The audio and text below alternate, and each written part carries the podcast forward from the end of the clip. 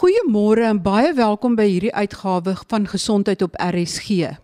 Vandag gesels ek oor rugby sake en weliswaar oor harsingskudding oftewel konkussie in rugby. Ons het Saterdag gesien hoe Faf de Klerk daar bewegingloos lê nadat hy 'n stamp teen die kop gekry het. Uit soos 'n kers. En tog teen die einde van die wedstryd het ons gesien hoe hy op die veld draf en sy spanmaats gelukwens. Hoe werk daardie konkussie, daardie harsingskudding wat hy opgedoen het? Was dit ernstig? Was dit nie ernstig nie? Kan hy gereed wees vir die volgende wedstryd of moet hy wag? En teen die einde van die wedstryd het ons gesien hoe Kurt Lee, Arendse en die Nieu-Seelander wat hy geduik het, plat lê op die grond en toe van die veld af gery is met 'n ambulanskarretjie.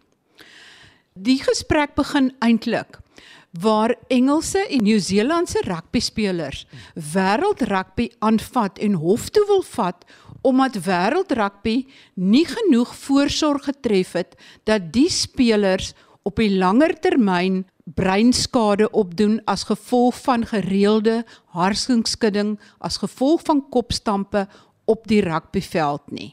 Of hulle gaan slaag en of hulle nie gaan slaag in hierdie hofsaak, weet ek nie en baie mense kan ook nie voorspel nie, maar doen wêreld rugby genoeg om te keer dat spelers nie later breinprobleme opdoen as gevolg van koppe wat stamp op die rugbyveld nie. Daar's wel heelwat riglyne en protokolle in plek, maar ek gesels vandag juis oor harsingskudding in rugby met Dr Peer Wiewe. Hy is akademies verbonde aan die Instituut vir Sport en Oefenings Geneeskunde aan die Universiteit van Stellenbosch. Ons gaan vandag kyk of ons meer kan uitvind oor hoe werk harsingskudding en veral harsingskudding in rugby en het dit op die langtermyn gevolge. Dokter Vivier, net om te begin, kom ons gee net 'n kort beskrywing van harsingskudding En dan 'n ander woord wat ons later gaan gebruik in die gesprek is CTE. Waarvoor staan dit en wat is dit? Dankie Marie en goeiemôre aan almal wat inluister. Ons het Saterdag baie mooi voorbeelde gesien, nie dat mense dit mooi in die term van die estetiese wil beskryf nie, maar om ons te help om mense beter te laat verstaan waaroor gaan konkussie of harsingskudding uh en dan ook die komplikasies daarvan. Ek dink dit is belangrik as ons begin by konkussie is om 'n definisie daar te stel. Ek dink vir jare lank was dit die groot probleem gewees is dat uh verskeie groepe het verskeie definisies daarin gegee en daarom is dit op verskillende maniere hanteer en ek glo ook nie altyd op die regte of op die wetenskaplike manier nie. So om te begin met konkussie sou ek sê dat ons gebruik gewoonlik die konsensus definisie wat deur die konkussie werkgroep wat 'n internasionale groep is en wat elke 4 jaar die definisie herbesoek. Ons gebruik die definisie wanneer ons praat oor konkussie. So eerstens, daar moet 'n besering wees. So dit beteken daar's trauma, daar's 'n besering. En hierdie besering het gevolg en dis die belangrike ding verbygaande breindisfunksie. Dit is wat ons baie duidelik by Faf kon gesien het waar hy bewegingloos was en 'n paar minute later het hy rondgestap. Dit beteken nie hy is gesond nie. Want hierdie besering en hierdie breindisfunksie alhoewel dit verbygaande is, is daar 'n komplekse patofisiologiese reaksie wat volg in die breinweefsel. En dit vat langer om gesond te word. So op die grouwe, op die uiterlike simptome en tekens sien ons 'n vinnige verskil, maar dan wanneer ons mooi gaan kyk, is daar steeds skade aan die breinweefsel en wat dan nodig het om eers te herstel voordat so 'n persoon gesond kan wees. Dit is ook belangrik om te weet dat hierdie simptome nie verklaar kan word deur iets soos byvoorbeeld oormatige alkoholgebruik, dwelms of enige van die degeneratiewe neurologiese siektes nie. En dit is waaroor ons dan ook 'n bietjie gaan gesels en dit is die CTE, dit is die Engelse akroniem en dit staan vir in Afrikaans kroniese traumatiese enkefalopatie wat in die groot groep van neurodegeneratiewe siektes val. Die ou kry die stamp teen die kop, beweeg die brein binne in die skedel, stamp hy teen die kante. Wat gebeur in die brein as hy die stamp teen die kop kry? Ons moet onthou die brein kan mens vergelyk met soos 'n massa van jelly en water wat in 'n soliede kus vas is wat dan die skedel is. En ons weet ons het witstof en grysstof wat verskillende digthede het. Ek sê altyd vir studente as mens water in 'n emmer gooi en jy gooi sand in en jy swaai die emmer, dan draai die water vinniger as die sand. So as daar moes 'n koneksie gewees het tussen die water en die sand, sou daar 'n skeuring of trekking uh, van hierdie strukture plaasgevind het. Nou kom ons sê dit is wat ons in die brein kry. So ons het witstof, grysstof, ons het 'n jelly massa wat party meer water, minder water en dan die soliede kas. So wanneer die stam teen die kop plaasvind, is daar twee dinge wat gebeur. Een is energie kan fokus in die skedel en rondom die skedel. En dis gewoonlik wanneer ons die strukturele letsels kry soos skedelfrakture, skedelbasisfrakture as ook die bloedings in die brein. Dan die ander meganisme is dan meer die stomp trauma, dit is dat die brein het beweeg. En ons praat hier van die brein beweeg dan in die rigting weg van die stamp en dan bots hy teen die skedelkant aan daai kant. En boonbehalwe die skeuring wat plaasvind tussen die verbindende neurone tussen die witstof en die grysstof, is daar ook 'n direkte stamp van breinweefsel teen die skedelkant en daai energie is dan ook genoeg om dan weer terug te beweeg. Die mooi naam is die kontra en die kontraku bewegings. En dan het ons ook gevind dat wanneer daai brein terug beweeg, is daar ook 'n klomp energie wat 'n rol speel. So met ander woorde, ons het hier regtig 'n meganisme wat jy op 'n paar maniere skade aan die neurone en aan die breinweefsel direk kan opdoen. Sjoe, dit klink of dit liewerste nie moet gebeur nie. Dokter Vivier, wat gebeur as die een die stamp teen die kop kry? Nou raak ons ook weer na die praktiese vlak toe Marie en ek dink dit is eintlik wanneer mense praat oor konkussie die belangrike deel want dit is wat gaan bepaal hoe ons hierdie spelers hanteer. Eerstens as ek nou kan verder uitbrei op brein disfunksie wat volg, dan is daar hoofsaaklik drie goed wat gebeur in die brein. Die een is ons kry 'n kompleks van simptome en tekens en simptome wat dan insluit en hierdie is alles bewysgebaseer soos hoofpyn, naait, braking, dubbelvisie, sensitief teen klank en so voort. As ons kyk na die kompleks van simptome, dan is daar tekens wat veral insluit balansverlies en daar spesifieke tekens wat ons kan optel wat die balansstelsel insluit en dan die derde hoofgroep van tekens is dan die kognitiewe tekens en dit is waar 'n persoon dan sy realiteit tot die werklike verloor Hy kan nie onthou op watter veld hy speel nie, hy kan nie onthou watter telling dit is nie, hy kan nie onthou watter span laaste gedruk het nie, van hulle kan nie onthou teen wie hulle die vorige week gespeel het of hulle wen of verloor het nie. Dan is daar ook verder toetse wat ons doen om dan hierdie kognitiewe inkorting dan te bewys. Dokter Vivier, jy het genoem dat sedert 2000 is daar baie meer fokus op die hantering van iemand wat 'n stamp teen die kop kry tydens 'n sport wedstryd. Hoe word dit hanteer by sê maar in elite rugby en in amateur rugby? Is daar 'n spandokter of iemand langs die veld kyk hulle op 'n video? Hoe weet hulle hoe daai stamp gebeur het en wat om na te kyk? Dankie Marie en ek gaan dit bietjie verder terugvat. Ek gaan dit uh, terugvat na die jaar 2000 En dit is die jaar wat die konkussie werksgroep, die internasionale konkussie werksgroep onder leiding van professor Kantu wat ook die groot navorser is op die oomblik by die Breinbank in Boston waar CTE intensief bestudeer word. Hy het mense uit verskillende sportkodes bymekaar gekry, ekspertise uit die mediese wêreld en hulle het begin kyk wat bestaan en wat bestaan nie. Dit was maar de mekaar. En van daar af is besluit dat hierdie groep elke 4 jaar sal sit en dan sal kyk na die navorsing, die nuutste navorsing op verskeie gebiede, sensitiewe vrae antwoord dan daaroor en protokolle ontwikkel en kyk waar protokolle aangepas moet word. So met ander woorde, die konkussie eh, werksgroep, hulle stel riglyne vry wat gebaseer is op die mees huidige navorsing. En dan is dit vir sportkodes om dit te vat en te embed in hulle uh, spesifieke hantering. Ek weet wêreld rugby is een van die sportkodes wat waarskynlik die meeste moeite doen om hierdie protokolle te embed en dan uit te voer en te implementeer na die verskillende unies toe. So die tuisunies is ook verantwoordelik dan om hierdie protokolle wat deur wêreld rugby ontwikkel word dan te implementeer. Voor ek by Suid-Afrika kom, net 'n ander gedagte is ook dat ons moet besef dat daar waarskynlik meer as 7 miljoen rugby spelers in die wêreld is, waarvan omtrent net 1 miljoen professionele rugby spelers is en 'n baie klein gedeelte aan internasionale wedstryde of elite wedstryde deelneem. So wanneer 'n protokol ontwikkel word, sal daar dan definitief 'n onderskeid getref moet word tussen die persone wat op Saterdag rugby speel vir genot, ons skole rugby, klub rugby en so voort in vergelyking met die elite rugby waar daar baie meer kontrole kan wees, daar's baie meer uh, professionele mense rondom die veld wat sorg dat die wedstryde veilig hanteer word. So dit is die een groot beginsel. Nou wêreld rugby het het dan sekere 'n uh, protokolle vir elite rugby uitgesit en dit is wat by 'n wedstryd soos afgelope Saterdag dan sal geld. Daar is byvoorbeeld 'n uh, dokter Lansieveld wat uh, by uitstek 'n ekspert is in die erkenning van die vroeë neurologie, uh, neurologiese tekens van 'n konkussie.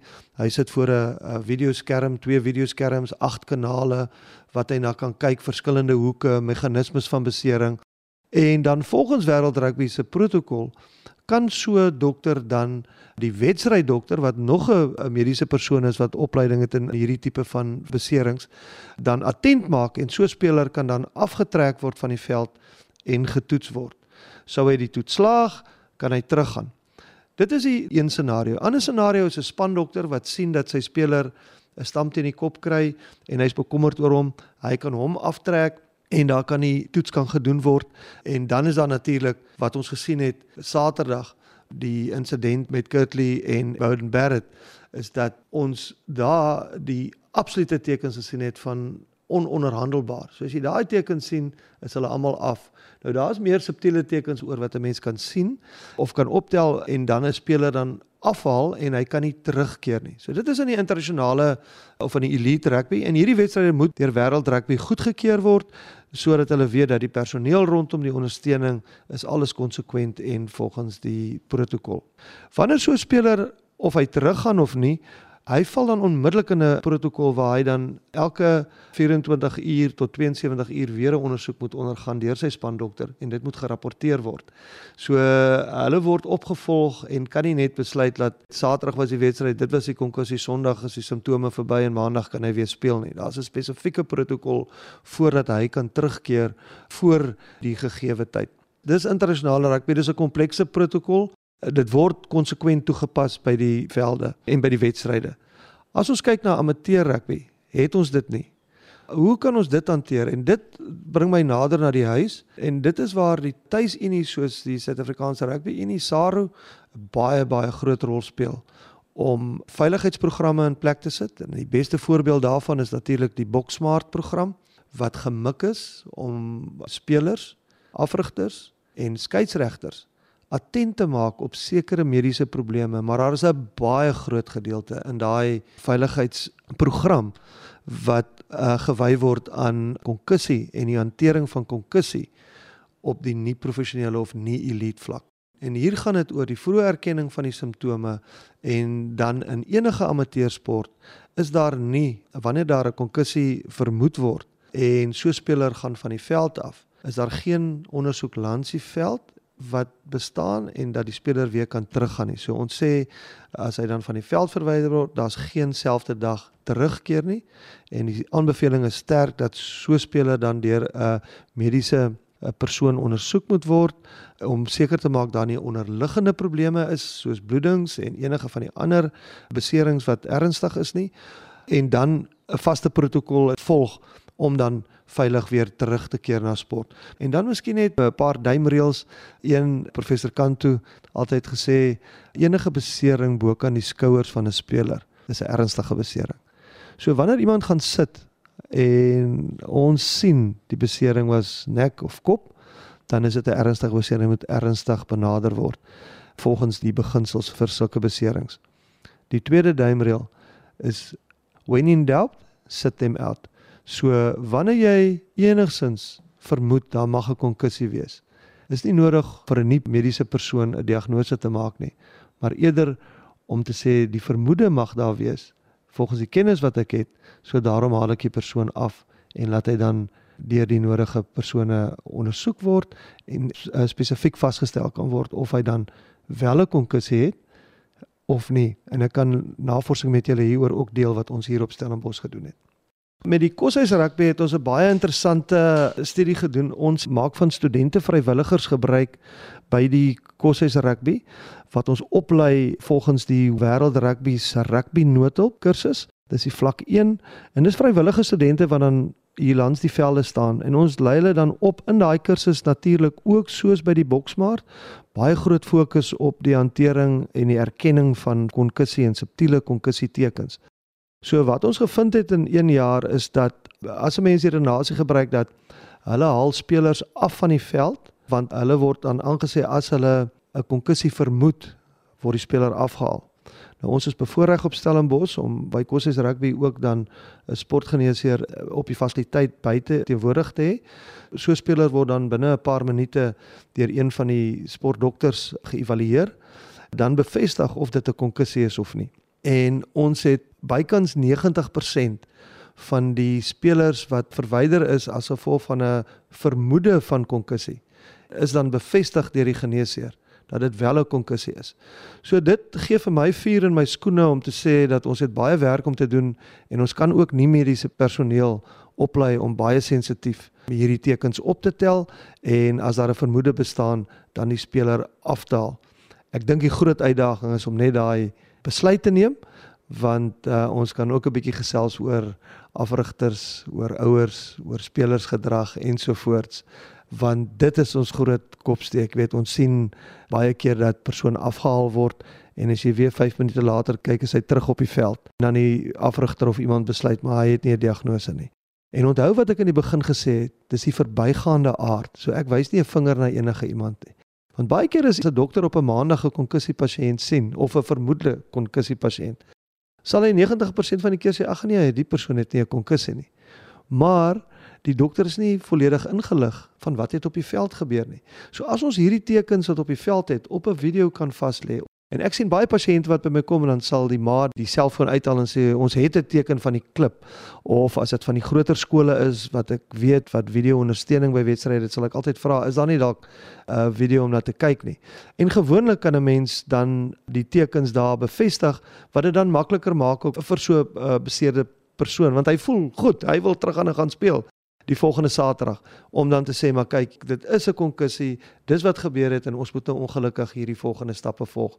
Maar ek dink ons het baie werk om te doen as 'n mens konkussie verstaan het ons baie ondersteuning nodig van ouers van afrigters van skeieregters en dan ook spelers self om te weet as ek nie reg voel nie is om dit eerder te sê. En dit kan 'n baie baie baie sterk voorkomende maatreël wees Dokter Vivier, ek bied my nou aan as 'n vrywilliger wat langs die veld sal staan om te kyk of ek 'n konkussie kan vermoed. Wat leer julle my? Waarna moet ek kyk? Eerste ons gaan terug na die definisie toe. Daar moet trauma wees. Daar's 'n slag. Het sy dit 'n direkte slag teen die kop is of 'n duikslag wat 'n persoon uitvoer en stamp teen die heupbeen of teen 'n elmboog of teen 'n knie. So dit is die eerste ding. Die tweede ding is is dan volg die stappe daarna. Waarna ons kyk byvoorbeeld die onmiddellike neurologie is baie keer is daar 'n reaksie waar die persoon, die speler dan sommer reguit grond toe val en ek dink baie soos op dit faf gebeur het uh, Saterdag uh, laat hy daar stil uh, bewegingloos lê en dan kom die beweging terug en hy gaan en dit is baie keer die onmiddellike effek so daai bewegingloosheid en nie noodwendig 'n verlies aan bewussyn nie. Verlang het ons gedink jy moet bewussynsverlies hê om die diagnose te maak van 'n konkussie maar dit is uit en uit in die wetenskap bewys dat daar nie 'n verband is nie. Dit lyk op hierdie stadium as daar 'n bewussynsverlies is, dit 'n effek op die verloop van die konkussie kan hê, maar dit is nie diagnosties belangrik vir 'n konkussie nie. So dit is baie belangrik.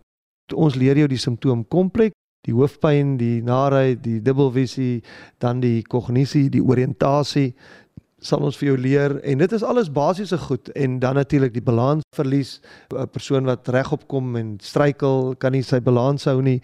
Daar's baie ander fyn goedjies. Speler wat opstaan na die verkeerde kant toe van die veld loop. Speler wat opstaan by sy span kom en dan sal hy glad nie spring in die lyn staan nie want hy kan nie die tekens onthou nie. Daar's baie sulke subtiele tekens maar dit is alles mooi saamgevat wanneer mense enige van die kursusse doen. Deur Wêreld Rugby en daar is op hulle webblad beskikbaar vir mense wat nie mediese personeel is en langs die veld is om dit aanlyn te doen. Dan ook natuurlik sal ek baie baie sterk aanbeveel dat mense wanneer daar geleenthede is die Boksmart veiligheidsprogram moet volg. Dit is regtig 'n uitstekende program wat vir mense al hierdie inligting gee hoe om dit te hanteer. Ek sal waar moontlik al die skakels op die webwerf sit. Dr. Vivier wys toe vir my op sy rekenaarskerm 'n lesing wat hy gegee het op 'n internasionale kongres. En daarin gebruik hy verskeie video's van spelers wat na stampe harsingskudding opgedoen het en hy vertel vir my hoe hy kyk na die manier waarop die speler val, hoe die speler lê op die veld en hoe hy regop kom wat vir hom baie duidelike aanduidings gee van of die speler harsingskudding opgedoen het of nie. As die speler nou die volgende dag of 'n paar uur later eers na 'n dokter toe gaan, gaan die dokter nie iets fout kry met hom nie.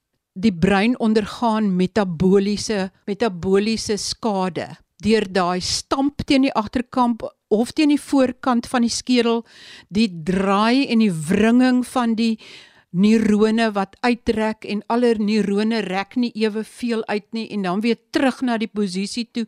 Dit lei tot verskeie chemiese stowwe en prosesse wat in die brein afgeskei word wat wel skade veroorsaak, maar dit kan nie met simptome en tekens 'n uur of 2 ure later opgespoor word nie. Moontlik as die harsingskudding so erg was, kan die speler nog iets oorhou, maar in verreweg die meeste gevalle sal die speler na 'n uur of 2 of 3 heeltemal goed lyk, soos Faf wat op hier veld opgehardloop het en geen teken eintlik getoon het van enige skade nie maar daar is defekte metaboliese prosesse in sy brein aan die gang wat hom baie vatbaar maak vir groot skade as daar 'n tweede stamp teen sy kop kom. Gaan kyk na die video van Faf se val op die webblad terwyl ek vir julle vertel wat dokter Vivier waarneem. Gestel ons sê die insident, die stamp teen die kop is tyd 0. Dan in die eerste 2 sekondes kan jy sien hoe die speler val en jy kyk na die manier wat hy val. As hy val met sy arm so half uitgestrek asof dit 'n groot beer is wat iemand wil 'n drukkie gee, dit is 'n duidelike teken want hy keer nie met sy arms nie. Dis net so half uitgestrek en passief langsom. Hy het geen spiertonus in sy postuur nie. Hy is redelik pap dan as hy op die grond lê, kan hy of doodstil lê soos wat Faf gelê het, of 'n tipiese teken is dat hy ook sy kop gryp en met al twee hande sy kop vashou. Want hy het hoofpyn. Hy kan konvulsies kry. Hy lê soos wat hy geval het. Dan in die tweede fase, 2 tot 7 sekondes en dit vertel vir jou hoe vinnig die een wat moet kyk vir die tekens van harsingskudding, hoe vinnig hy hierdie dinge moet waarneem. Tussen 2 tot 7 sekondes hou hy steeds sy kop vas in albei sy hande. Hy is stadig om op te kom en as hy regop kom, is dit eers so op sy knieë en op hande 4 voet en dan stadig regop, amper soos 'n tripod van 'n kamera lyk like hy op 'n stadium dan sy manier wat hy kyk, hy kyk maar hy sien niks. Dit is so wykend ster. Sy postuur is nog steeds abnormaal, ongewoon. Hy het nie doelgerigte bewegings asof hy iets wil vat of doen nie. Hy staan stadig op. Hy is onvas op sy voete as hy wel op sy voete kan kom. Hy sal moontlik nie onmiddellik weet waarheen om te gaan om sy plek op die veld in te neem nie. As hy na 'n plek toe draf op die veld of stap, sal hy dalk oor sy eie voete struikel.